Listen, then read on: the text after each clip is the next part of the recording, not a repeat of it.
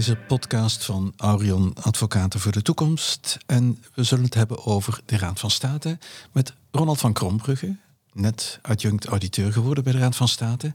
En Evelien Maas, die als advocate heel vaak bezig is met het Grondwettelijk Hof.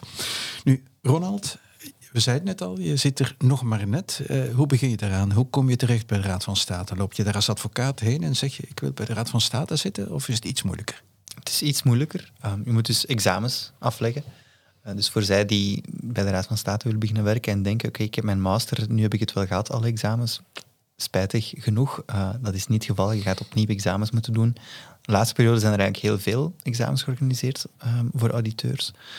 Uh, omdat er dus een, het kader werd uitgebreid, waardoor ruimte kwam voor extra mensen aan te werven, omdat de Raad van State in de jaren, de laatste decennia, eigenlijk enorm veel extra werk heeft gekregen zowel in afdeling wetgeving als in afdeling bestuursrechtspraak.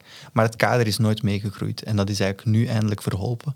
Dus het kader is uitgebreid, eh, heel veel nood aan nieuwe mensen. Dus uh, je moet dan beginnen met een schriftelijk examen. Eigenlijk een, om eerlijk te zijn was dat het zwaarste examen dat ik ooit heb afgelegd. Uh, het heeft acht uur geduurd. Dus je begint om negen uur, uh, dan vier uur examen, dan heb je een uurtje pauze en dan nog eens vier uur. dus op het einde van die dag ben je wel compleet kapot. Um, en als je daarin geslaagd bent, dan mag je nog eens terugkomen voor een mondeling examen, waar je eigenlijk zelf een presentatie mag geven over een onderwerp dat je hebt mogen kiezen uit een lijst. Um, dan moet je ook nog eens een case oplossen, mondeling dan ter plaatse. Mag wel een klein beetje voorbereiden en de stukken inkijken, maar het is eigenlijk voornamelijk ter plaatse dat je snel moet kunnen nadenken en snel moet kunnen antwoorden op de vragen die ze stellen. Um, en als je dan op die twee samen meer dan 60% hebt gehaald, dan ben je geslaagd. Kom je op een lijst en als er dan een positie is, een plaats vrij is, um, dan word je uitgenodigd om, om de eet af te leggen en dan kan je auditeur worden. Dat is bij wijze van spreken de procedure, maar wat bezielt je om aan die examens mee te doen? Dat is een moeilijke vraag. Je was bezig met, als advocaat met zaken ook voor het grondwettelijk hof. Uh, is het daar dat, de, dat, je de smaak te pakken krijgt? Ik heb altijd al een enorme interesse gehad uh, in het grondwettelijk recht. En dat is iets dat eigenlijk, dat je als advocaat, het is heel moeilijk om, om constant bezig te zijn met grondwettelijk recht.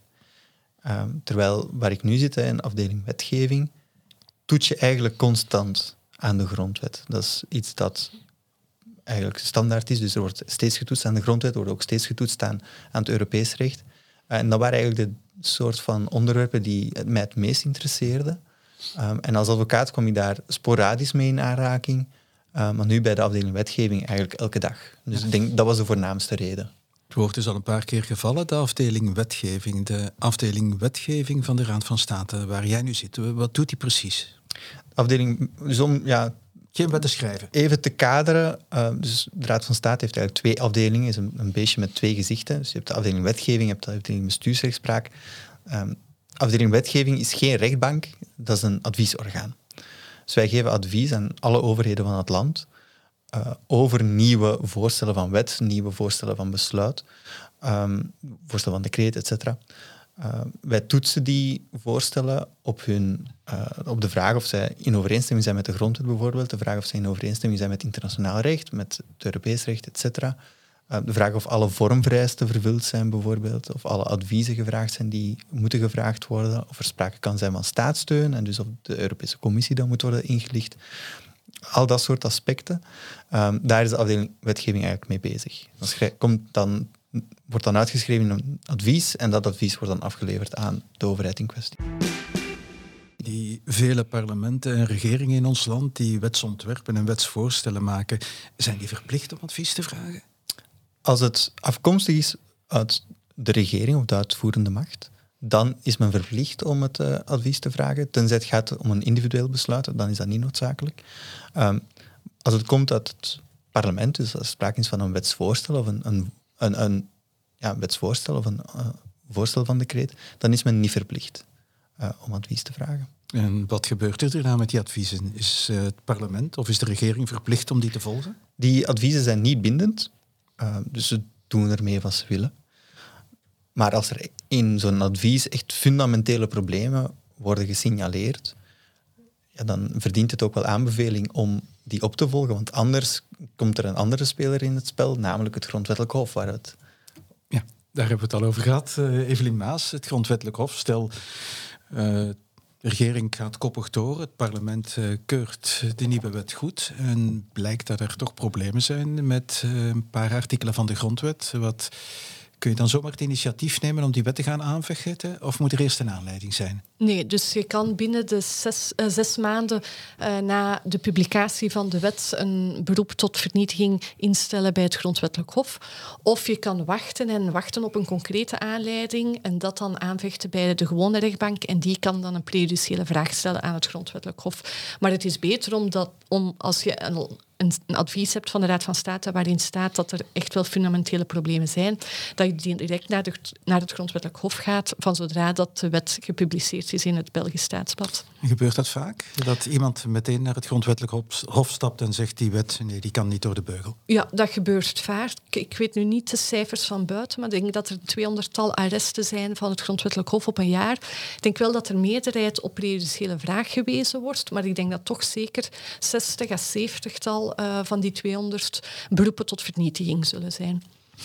En het is zo natuurlijk als het grondwettelijk hof, als er al een advies is van de Raad van State waarin staat dat er een probleem is met de grondwet, dat je des te meer kans hebt dat het grondwettelijk hof u de verzoekende partij gelijk zal geven.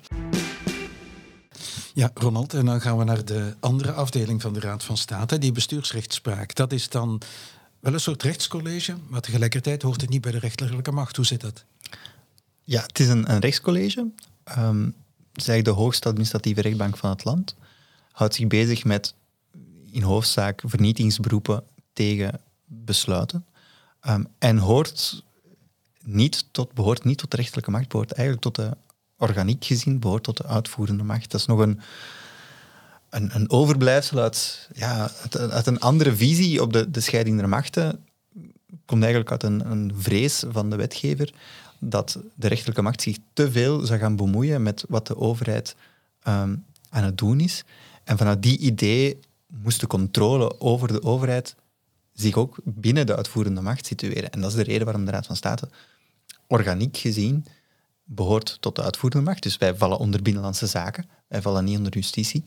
Ehm, maar in de praktijk is de Raad van State, afdeling bestuursrechtspraak, wel degelijk een rechtscollege dat aan alle voorwaarden van een rechtscollege voldoet.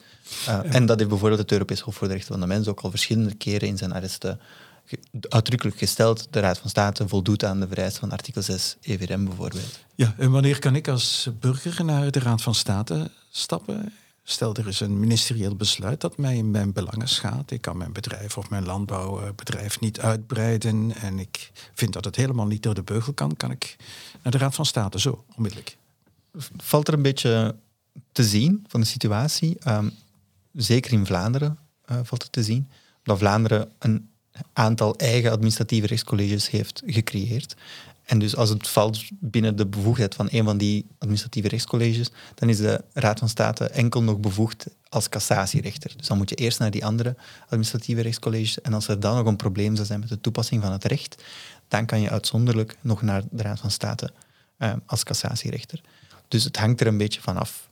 Ehm, maar in ieder geval, en daar was al op gealludeerd, je hebt een persoonlijk belang nodig. Ehm, dus je kan niet gewoon voor het algemeen belang naar de Raad van State stappen. Je moet echt aantonen dat je persoonlijk geraakt wordt door de beslissing um, die je wilt aanvechten. Evelien en Ronald, eh, jullie allebei nu, als we eens de werking van het Grondwettelijk Hof en de Raad van State zouden gaan vergelijken.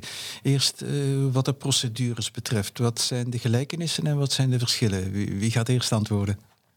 Ja, Evelien? Um, het grote voordeel van de Raad van State is dat je daar een auditeur hebt in de afdeling bestuursrechtspraak. En dat betekent dat een onafhankelijke persoon eigenlijk het dossier gaat beoordelen vooraleer de raad het zelf beoordeelt. Uh, dus je krijgt als partijen eigenlijk een onafhankelijk verslag van de auditeur, waarin de auditeur al gaat zeggen met dat middel van de verzoekende partij ben ik het eens, maar met dat middel ben ik het niet eens. En je kan dan ook nog eens antwoorden als partijen op het verslag van de auditeur. Dat is een groot voordeel bij de procedure van de Raad van State. Het uh, grote voordeel bij de procedure bij het Grondwettelijk Hof is dat het eigenlijk veel sneller gaat dan bij de Raad van State. Bij het Grondwettelijk Hof heb je normaal gezien een arrest na een jaar dat je het beroep hebt ingesteld. Bij de Raad van State kan dat veel langer duren, vier, vijf, zes jaar.